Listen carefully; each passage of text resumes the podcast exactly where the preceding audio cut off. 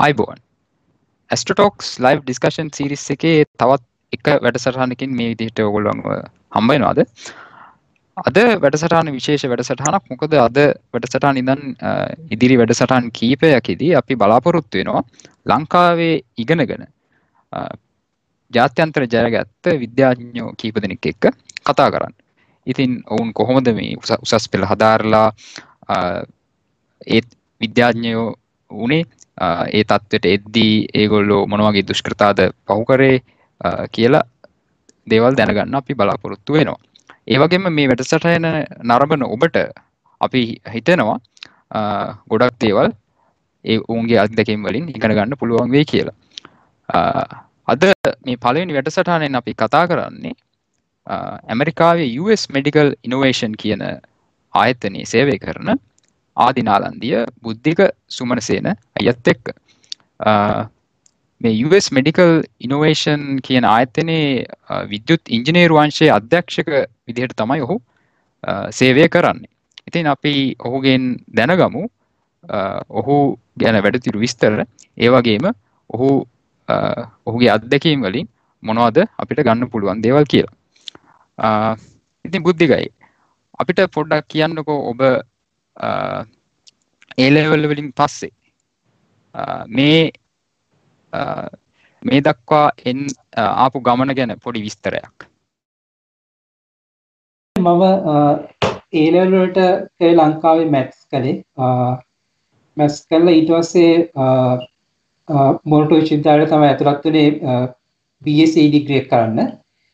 මොටු විශ්විද්‍යාලදී පළවෙනි අවුරුද්දේ විභාගයක් තියෙනවා ඊට පස්සේ මොන ඉංජිනේරු අංශයද අපි කරන්න කියලා තෝරගන්න.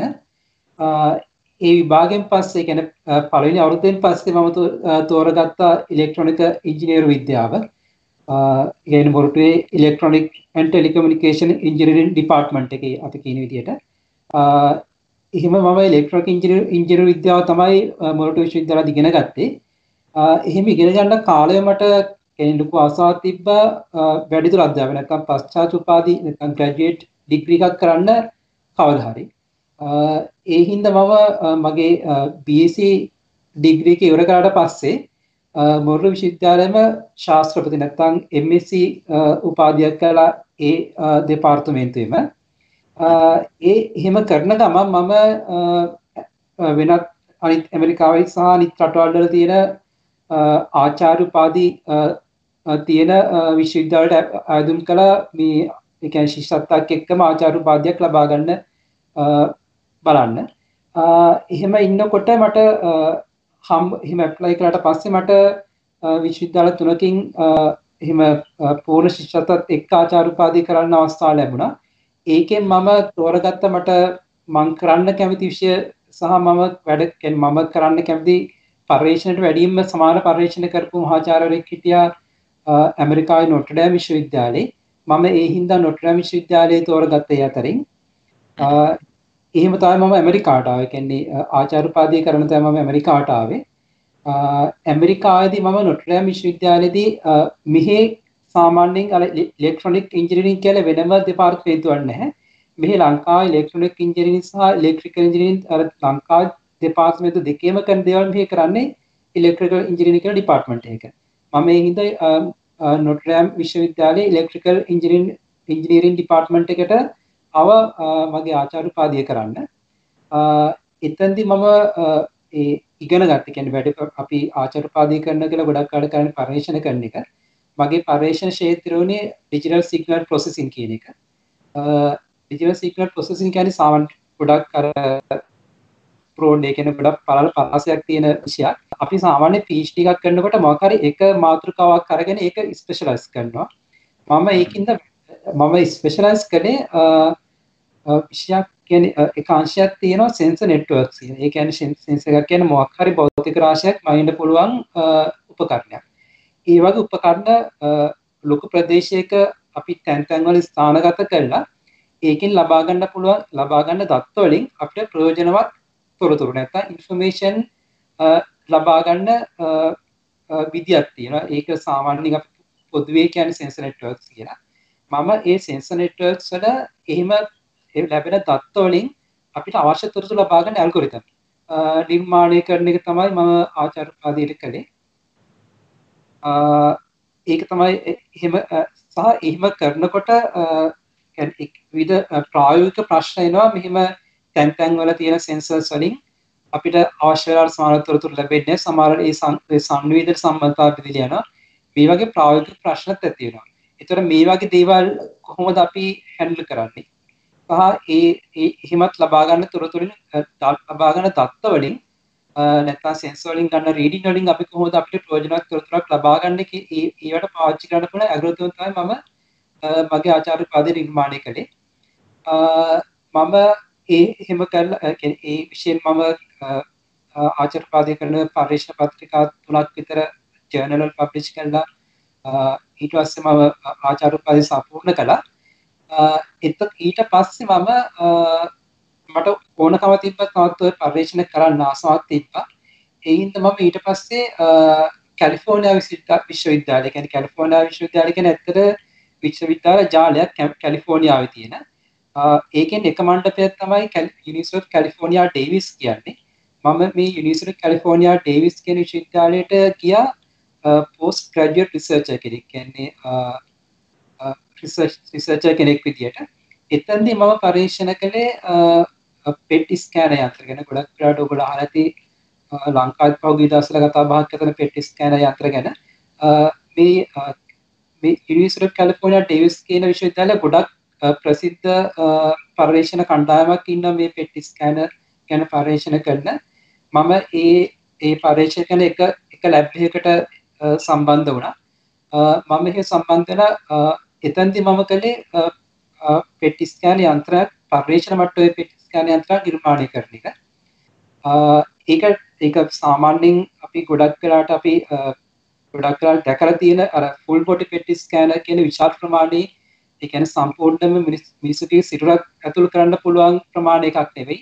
අපි අඩගෙන එක්ස්ට්‍රීමිටි පෙටි ස්කෑනර්. ඒ කියන්නේ අපි කෙනෙක්ගේ අතක් නැත්නම් කකුලක් වගේ ශරීරයේ එක අවයවයක් විතරක් ස්කෑන් කරන්න පුළුවන් පෙටි ස්කෑනර් යන්ත්‍ර. මම ඒ ඒ ඉන්න කාලේ අවුරුදු 4ක් විතර මම ඒ කැලිෆෝනියා විශ්වවිද්‍යාලයේ වැඩ කළා. ඒ කාලේ මම ඒ ඒ ඒ පිටි ස්කෑනර් යන්ත්‍ර වල භාවිතා කරන්න පුළුවන් සංග්‍රහක නැත්නම් සෙන්සර්ස් නිර්මාණය කළ සහ ඒකට අවශ්‍ය ඉලෙක්ට්‍රොනික පරිබද හැදුවා. සහ ඒ ඒ ලබා ගන්න தත්ත ප්‍රොසෙස් කරන්න පුළුවන් පරිගණක ප්‍රෝග්‍රෑම් ලියන එක තමයි මේ කාලේ කළේ. එහෙම ඉඳලා ඊට පස්සේ අවුරුදු 4ක් විතර ඊට පස්සේ මම කල්පනා කළා ඒ කියන්නේ තවදුරටත් මේ වගේ මෙඩිකල් ඩිවයිසස් අපිට කියනවා මෙඩිකල් ඩිවයිසස් කියලා. මෙඩිකල් ඩිවයිසස් හදන ඒ ක්ෂේත්‍රයේම ඉන්න. එහෙම කල්ලා මම ඊට පස්ස මම මේ දැන්ට මං ඉන්න එම්මයි කියන ආතන සම්බන්ධන ඒ කාලේ ඒගොල්ලෝ දැනීම පල කල ති බයගරන්ට ඉලෙක්ට්‍රොනික ඉජිනීරේ පාශය කර මම ඒකට අයදුම් කරලා මම මේ දැන්ට වැඩ කරන ආතනයට ආවා. දැන් එතකට මම මේ ආතනට වැඩ කරලා අවුරුදු හතරක් විතර වෙනවා. හරි. ඕ ඉතාම ඉතාම මේ රසවත් රසවත් කතාවත්තම කිවේ ගැන්නේ ගැන්නේ ඒලවල්ල එලලා වෙලා මේ දැන සේව කරන සේව කරන ආයතනයට දක්වා එද්දී එන ගමන. ඉතාම දුර ගමනක් ඔබ ඇවිල්ල තියෙනවා. ඉතින් දැන් ඔබ මොනවගේ දේවල්ද මේ ආයතනයට සම්බන්ධල කරන්නේ? මේ ආයතනයේ කරන්න මොනවගේ උපකරණද නිපදවන්නේ? දැන් මම වැඩකරන ආයතනය ප්‍රධාන වශයෙන්ම කරන්නේ ශල්ල වෛතුපකරණ නිර්මාණය කරන එක ඒනුත් අපි විශේෂයෙන්ම කරන්නේ විද්‍යුත් ශල්්‍ය උපකරණ නිර්මාණය කරන එක. ඒ කියන්නේ අපි උදේ ගත්තොත් ශල්්‍ය කර්ම කරන්න ඕන උපකරණ නිර්මාණය කරන එක තමයි මේ ආතනින් කරන්නේ. මේන් අපි දැනට මේ ආත නිර්මාණය කරපු අපි එකට විද්‍යුත් ශල්්‍ය උපකරණයක් කියලා. ඒ කියන්නේ අපි සාමාන්‍යයෙන් අපි ගොඩක් වෙලාවට දැකලා තියෙනවා අපි ශල්්‍ය කර්ම නැත්නම් ඔපරේෂන් එකක් කරනකොට සර්ජිකල් නයිෆ් එකක් නැත්නම් සතක් පාවිච්චි කරලා තමයි ඒ රෝගියාව කපන්නේ. ඒක මේක තොර යාන්ත්‍රික බලයකින් කැපීමක් කිරීම තමයි සාමාන්‍යයෙන් අපි ගොඩක් කරට දැකර තියෙන්නේ. එහෙම නැතුව අපිට පුළුවන් විදුලිය පාවිච්චි කරලා විශේෂයෙන් අධිවෝල්ටියතාවයක් තියෙන අධිවෝල්ටිතාවක යුතු විදුලියක් පාවිච්චි කරලා මේ පියකින් කරන වගේම මිනිසකුගේ ශරීරයක් කපන්න. එහෙම කරන්න පුළුවන් වෙන්නේ විදුලියෙන් ඇතිවන තාපය සහ එම තාපය අපේ ඇඟේ තියෙන වතුරත් එක් වතුර වතුර මතට ආවට පස්සේ වතුර ප්‍රසාරණය වෙලා සහ වතුර වාෂ්ප වෙලා ඒ සෛල පටක බිඳෙනවා. එතන ඒ නිසා කැපීමක් ඇති වෙනවා. එතකොට මේක පාවිච්චි කරලා අපිට පුළුවන් විදුලියෙන් පිහියකින් කපන වගේ ශල්‍ය කර්මයකට රෝගියෙක්ව ශරීරය කපන්න. එතකොට මේකේ තියෙන එතකොට දැන් අපි දන්නවා අපි විදුලියක් ගමන් කරන්න නම් පරිපතයක් සම්පූර්ණ වෙන්න ඕනේ. දැන් අපි එක පැත්තකින් රෝගියෙකුට අපි ඒකට කියන ස්කැල්පෙල් කියලා එකක්. ඒ කියන්නේ නිකන් ඉලෙක්ට්‍රෝඩයක් වගේ තුඩක් වගේ දෙයක්. ඒකක් අපි ශරීරයට ස්පර්ශ කරනවා. එතකොට පරිපතය සම්පූර්ණ වෙන්නත් විදියක් තියෙන්න ඕනේ. ඒකට අපි කරන්නේ තව ඉලෙක්ට්‍රෝඩයක් ඒ ඒ රෝගියාගේ ගොඩක් වෙලාට අපි ඒක කරන්නේ කකුලට වගේ සම්බන්ධ කරන එක. ඒක අර වගේ තියුණු එකක් නෙවෙයි. සන්නායක ද්‍රව්‍යයෙන් හද පොඩි පෑඩ් එකක් වගේ කලවන්න පුළුවන් රෝගියෙකුට. සාමාන්‍යයෙන් අපි කරන්නේ ලේසියට එක රෝගියාගේ කකුලට තමයි අලවන්නේ. එතකොට ඒ තුඩ වගේ ඉලෙක්ට්‍රෝඩිනුත් අර පෑඩ් එක කියපු ඉලෙක්ට්‍රෝඩිනුත් පරිපතේ සම්පූර්ණ වෙනවා. එතකොට ඇඟහරා විදුලියක් ගියට පස්සේ මේ තුඩෙන් ස්පර්ශ කරපු තැන ඊටාම ගොඩක් සියුම් කැපීමක් ඇති කරන්න පුළුවන්. එතකොට මේ කැපීම ඇති කරන්න ගොඩක් එක දෙයක් තමයි ලොකු වෝල්ටේජ් එකක්. කියන්නේ අධි වෝල්ටේජතාවක් තියෙන විදුලියක් අවශ්‍යයි. ඒ වගේම තමයි අපිට අපි දන්න සාමාන්‍යයෙන් අපි කෙනෙකුට විදුලියක් කියන්නේ අපි හිතුව අපි හිතුව දැන් අපි ගෙදර පාවිච්චි කරන හර්ට්ස් 20 හර්ට්ස් 60 ඒක අපි ඇල්ලුවොත් අපිට කරන්ට් එක වදින අපි පුද්ගලයෙක් මරණයටත් පත් වෙන්න පුළුවන්. ඒක වෙන්නේ එම සංඛ්‍යාතයේ අඩු හින්දා. එතකොට කාටවත් හානියක් නොවන විදියට මේ වැඩේ කරන්න නම් ඒකට සංඛ්‍යාතයත් ගොඩක් වැඩි වෙන්න ඕනේ. ඒ කියන්නේ අපි පාවිච්චි කරන්නේ කිලෝහර්ට්ස් 500ක විතර වගේ සංඛ්‍යාතයක් තියෙන විදුලි සිග්නල් එකක් තමයි පාවිච්චි කරන්නේ. එතකොට මේක හදන්න අපිට විශේෂ උපකරණයක් තියෙනවා අපි ඒකට කියනවා ඉලෙක්ට්‍රෝසර්ජිකල් ජෙනරේටර් කියලා. එතකොට මම දැනට කරන්නේ මේ ඉලෙක්ට්‍රෝසර්ජිකල් ජෙනරේටර් නිර්මාණය කරනවා. ඒකට අවශ්‍ය ඒ විදුලි සිග්නල් එක හදන්න පුළුවන් පරිපත සහ ඒක අවශ්‍ය විදිහට පාලනය කරන්න පුළුවන් පරිපත නිර්මාණය කරන එක තමයි මම වැඩි හරියක්ම කළේ. දැන් අපි ඒ වගේ තව අලුත් මොඩල් එකක් හදලා ඒක දැන් ඉදිරි මාස කීපයක් තුන ඇතුළත මේ ඇමරිකාව වෙනද පොළ දිරිවත් කරන්න බලාපොරොත්තු වෙනවා. ඒත් එක්කම ගොඩක් වෙලාට ලෝකයේ අනිත් රටවල වෙනද පොළටත් මේ අපේ උපාංගය ඉදිරිපත් කරන්න බලාපොරොත්තු වෙනවා. ඊට අමතරව තවත් ඔව් ඔබ ඔබ කියන්න ගියේ දැන් ලෝක වෙළඳපළටත් මේ උපකරන්න ඔබ ගෙනියන්න බලාපොරොත්තු වෙනවා කියලා නේද? හරි. හරි බුද්ධිකයි. දැන් මේ වගේ තොරතුරු දැනග මේ දැනගන්නකොට මට ආපු ප්‍රශ්නයක් තමයි දැන් මේ වගේ ආයතනවලට ගැන ඇමරිකාවේ සහ වෙනත් රටවල්වල තියෙන ආයතනයට සම්බන්ධ වෙන්න නම් ඉතාම බොහොම මේ ඉහළ තත්ත්වේ විද්‍යාඥයෙක් වීමට අවශ්‍යයි. හැබැයි ලංකාවේ ඉන්න කෙනෙක්ට තියෙන ප්‍රශ්නයක් තමයි කොහොමද ඉතින් මේ මගේ විද්‍යාඥයෙක් වෙන්නේ? කොහොමද මේ මේ වගේ ඉතාම නව නිපැයුම් කරන්න යොමු වෙන්නේ කොහොමද? ඉතින් ඔබට මොනහරි තියෙනවද මේ ඒ ලංකාවේ සිටින අපගේ සහෝදර ශිෂ්‍යශිෂ්‍යාවන්ට කියන්න මේ කොහොමද මේ විද්‍යාඥයෙක් වෙන්නේ? එක්සත් ජනපදය වගේ රටකට එන්නේ මොනවගේ මොනවගේ විභාග කරන්න ඕනෙද? ඒ වගේම තව මොනහරි වාහිර දේවල් කරන්න ඕනෙද? බට මොනහරි කියන්න තියෙනවදේ ගැන? මම හිතන්න වල දැන් අපි හිතුව දැන් විශේෂයෙන් මේක ගොඩක් ලේසි අපි ලංකාවත් විශ්වවිද්‍යාලයකට වගේ ඇතුළත් වෙන්න සුසුකම් ලබා ගත්ත කෙනෙකුට එතකොට ගොඩක් මං වගේ මෙහෙම පිටරටවලට ඇවිල්ලා ඉන්නානේ ගොඩක් දෙනෙක් එන්නේ වැඩිදුර අධ්‍යාපනය ආධාරණ තමයි ඇමරිකා හරි නැත්නම් වෙනත් රටවලට එන්නේ. එතකොට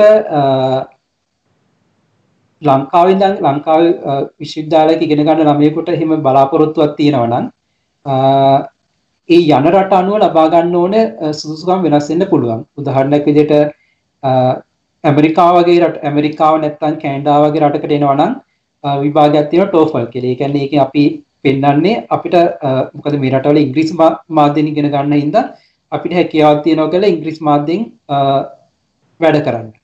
ඒකට ඇමරිකාව වගේ රටවලට එනවා හරි කැනඩාවට හරි නම් TOEFL නැත්නම් එංගලන්තය නැත්තං යුරෝප යුරෝපියන් යුනියන් එක යුරෝපා සංගමයට නැත්තං ඕස්ට්‍රේලියාවට වගේ යනවා නම් IELTS කියන විභාග කරන්න ඕනේ. ඒක ඒකෙන් අපි කියන්නේ අපිට මේ රටවලට ඇවිල්ලා අපිට ඉංග්‍රීසි මාධ්‍යයෙන් ප්‍රශ්නයක් නැතුව වැඩ කරගන්න පුළුවන් කියලා පෙන්වන්න තමයි ඒ විභාගේ තියෙන්නේ. ඊට අමතරව ඇමරිකාට වගේ ඇමරිකාට එනවනම් සාමාන්‍යයෙන් ඇමරිකා විශ්වවිද්‍යාලවලට පෝස්ට් ග්‍රැජුවේට් ඩිග්‍රී නැත්නම් ආචාර්ය උපාධි නැත්නම් PhD නැත්නම් MSc ප්‍රෝග්‍රෑම් වලට ආයුධපත් කරනකොට ඒගොල්ලෝ GRE කියලා විභාගයක් බලාපොරොත්තු වෙනවා. ඒක ඉංජිනේරිං ඉංජිනේරු විද්‍යාව කරනකොට GRE ජෙනරල් එක්සැමිනේෂන් එක විතරයි කරලා පෙන්වන්න ඕනේ. ඒ වුණාට ෆිසික්ස් කෙමිස්ට්‍රි වගේ නැත්නම් මැතමැටික්ස් වගේ විෂයන් කරනවා නම් ඒ GRE සබ්ජෙක්ට් ටෙස්ට් එක කරන්න සමහර සමහර විශ්වවිද්‍යාල බලාපොරොත්තු වෙන කරයි කියලා. ඒක තමයි අපි සාමාන්‍යයෙන් අපි ලංකාවේ කැම්පස් එකේ ඉගෙන ගන්නවට අමතරව කරන්න තියෙන දේවල් ටික. ඊට අමතරව දැන් මෙහිව රටවල් වලට ඒ ආචාර්ය උපාධි නැත්නම් MSc කරන්න ගොඩ දෙනෙක් ඇප්ලයි කරනවා ලෝකේ ගොඩක් රටවල් වලින්. එතකොට ඒගොල්ලෝ බලන ප්‍රධාන ක්‍රයිටීරියා එක නැත්නම් ඒක එකක් තමයි අපි කොච්චර හොඳට අපි අන්ඩර් ග්‍රැජුවේට් ඩිග්‍රී එකේදී අපි කොච්චර හොඳට වැඩ කරලා තියෙනවද කියන එක. ඒක කරන්න පුළුවන් ප්‍රධානම දෙයක් තමයි අපිට හොඳ GPA එකක් තියෙනවා නම් ඒක ගොඩක් ලොකු වාසියක්. ඊට අමතරව අපි ඒ අන්ඩර් ග්‍රැජුවේට් කරන කාලේ මොකක් හරි අපි හිතමු කැම්පස් එක ලෙක්චරර් කෙනෙක් එක්ක හරි නැත්නම් වෙන විදිහකට හරි සම්බන්ධ වෙලා මොකක් හරි පරීක්ෂණයක් කරලා තියෙනවා නම් අපි ඒක ලංකාවේ තියෙන කන්ෆරන්ස් එකකට හරි අපි ඒක සබ්මිට් කරලා වගේ තියෙනවා නම් ඒකත් ගොඩක් ලොකු සුදුසුකමක් වෙනවා පර්යේෂණයක් කරන්න. ඇමරිකා නැත්නම් වෙන රටවක තියෙන විශ්වවිද්‍යාලයකට අදුම් කරනකොට.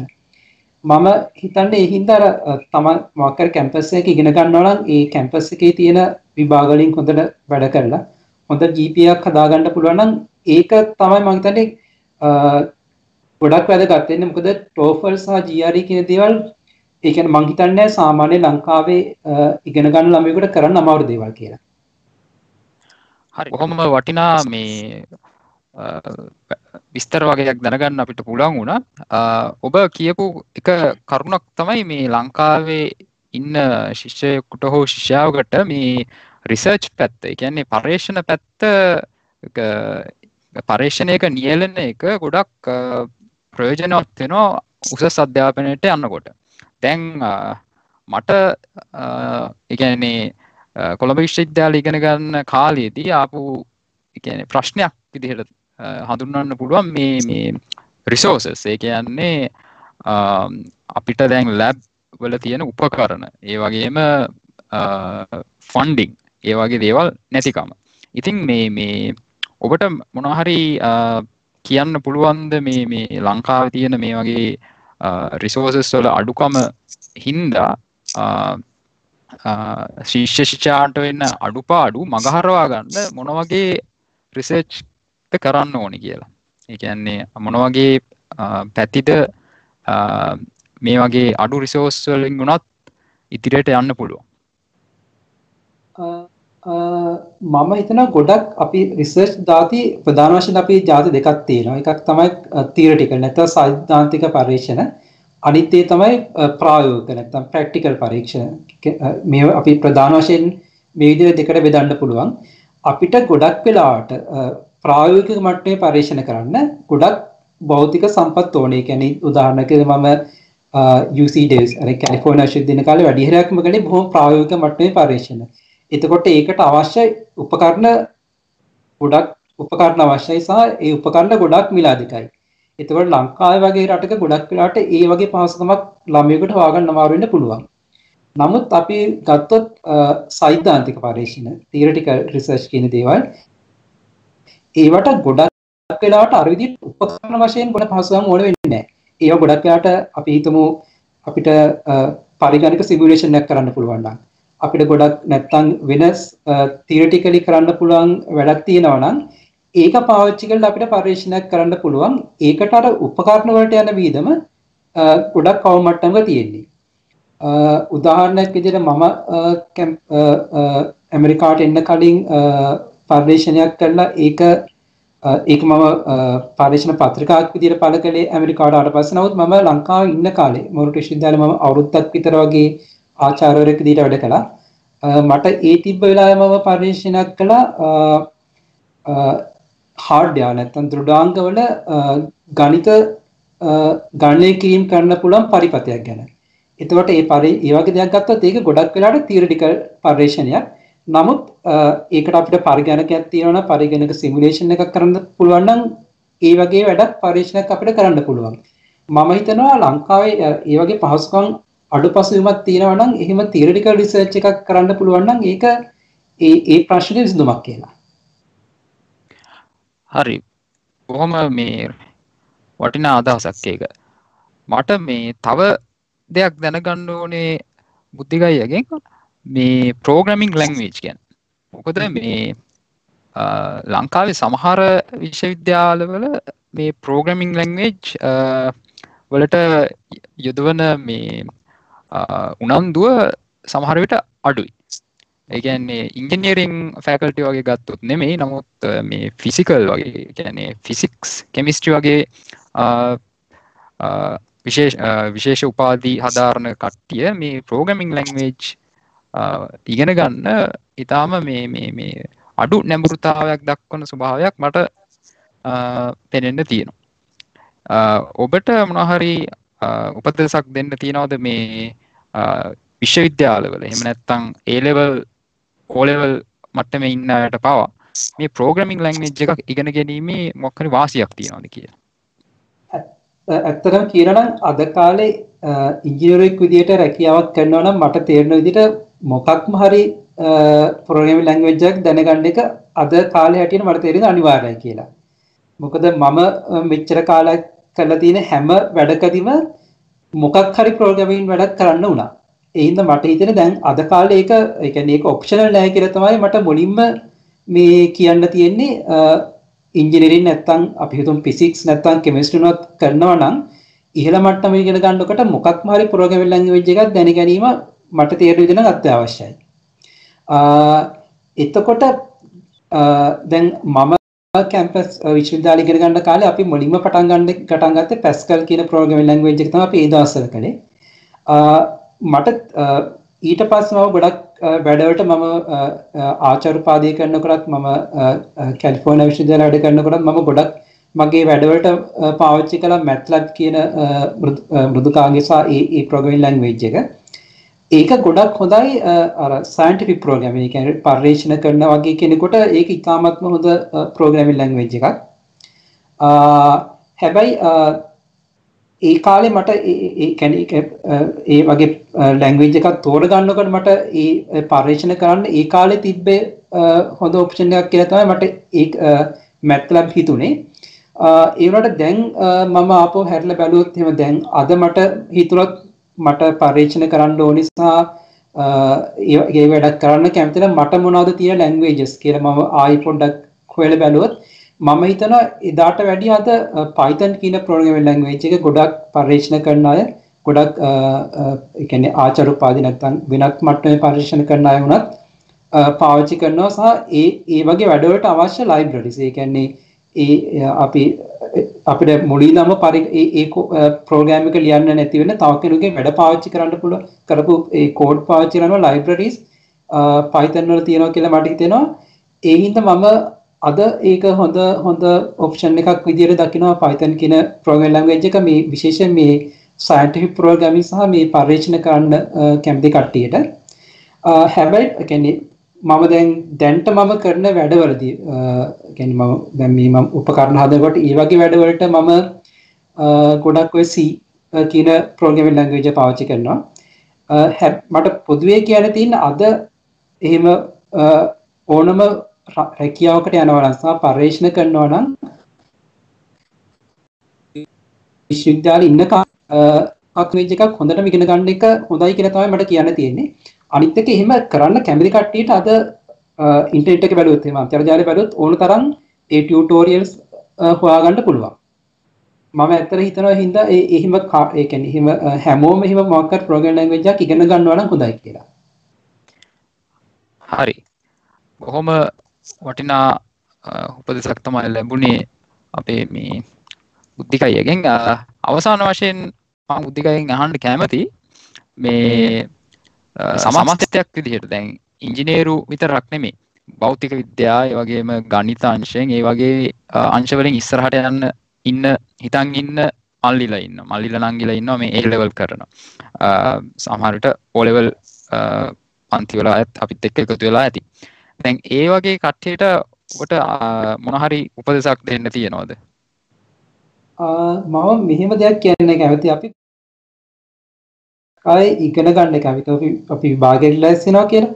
එතකොට ගොඩ දෙනෙක්ගේ නැඹුරුවක් තියෙනවා ඒ විභාගෙට ඕන දේ විතරක් ඉගෙන ගන්න සහ අපි කිතොත් හිතොත් ඒක අවබෝධ කරගන්නට වැඩිය කොහොම හරි විභාගයට පාස් වෙන්න ඌමනාවෙන් ඒක මොකද එහෙම වෙන්නේ? ගොඩක් අයට විභාග පාස් වෙලා සහ විභාගෙන් ලකුණු ගන්න ලොකු ප්‍රෙෂර් එකක් තියෙනවා ලංකාවේ අපි ඉගෙන ගන්න ක්‍රමය ඇතුළත. මම මම හිතනවා එහෙම කළොත් අපි හිතමු අපි ඒ ඒ ඒ වෙලාවේ ඒ අවශ්‍ය කරුණ හරියට අවබෝධ කරගන්න නැතුව අපි කටපාඩම් කරලා මොනම යම් ක්‍රමයකින් විභාගේ පාස් වෙන්න බලාගෙන කළොත් අපිට යන්න පුළුවන් සීමිත දුරකට විතරයි කියලා. ඒක තමයි මම සාමාන්‍යයෙන් මට කාලයක් ඉගෙන ගන්න පස්සේ මට තේරුණේ අපිට ගොඩක් දුර යන්න ඕන. ඉගෙන ගැනීමත් එක්ක සමහරවිට ටිකක් වැඩිපුර කාලයක් යොදවලා හරි නැත්නම් විභාගයට පොඩ්ඩක් අඩු ලකුණු ගත්තත් කමන්නේ ඒ කියන ඒ ඒ දේ හරියට අවබෝධ කරගත්තොත් ඒ අවබෝධය ගොඩක් කාලයක් තියෙනවා සහ ඒ අවබෝධ නිසා අපිට ගොඩක් දුරක් යන්න පුළුවන් කියලා මට හිතෙනවා. මට ඇත්තට ඒක තමයි අර මොකක් හරි එක දෙයක් කියන්න තියෙනවා මම අලුතින් ඉගෙන ගන්න ළමයිකට මම ඒ දේ තමයි කියන්න කැමතියි. හරි. ඔව් ඇත්තටම ඒක ඒ ලෙවල් ඕ ලෙවල් කරන කට්ටියට විතරක් නෙමෙයි මේ දැනට විශ්වවිද්‍යාල ඉන්න කට්ටියට පවා ඉතාම වැදගත් උපදෙසක් කියලා කියන්න පුළුවන්.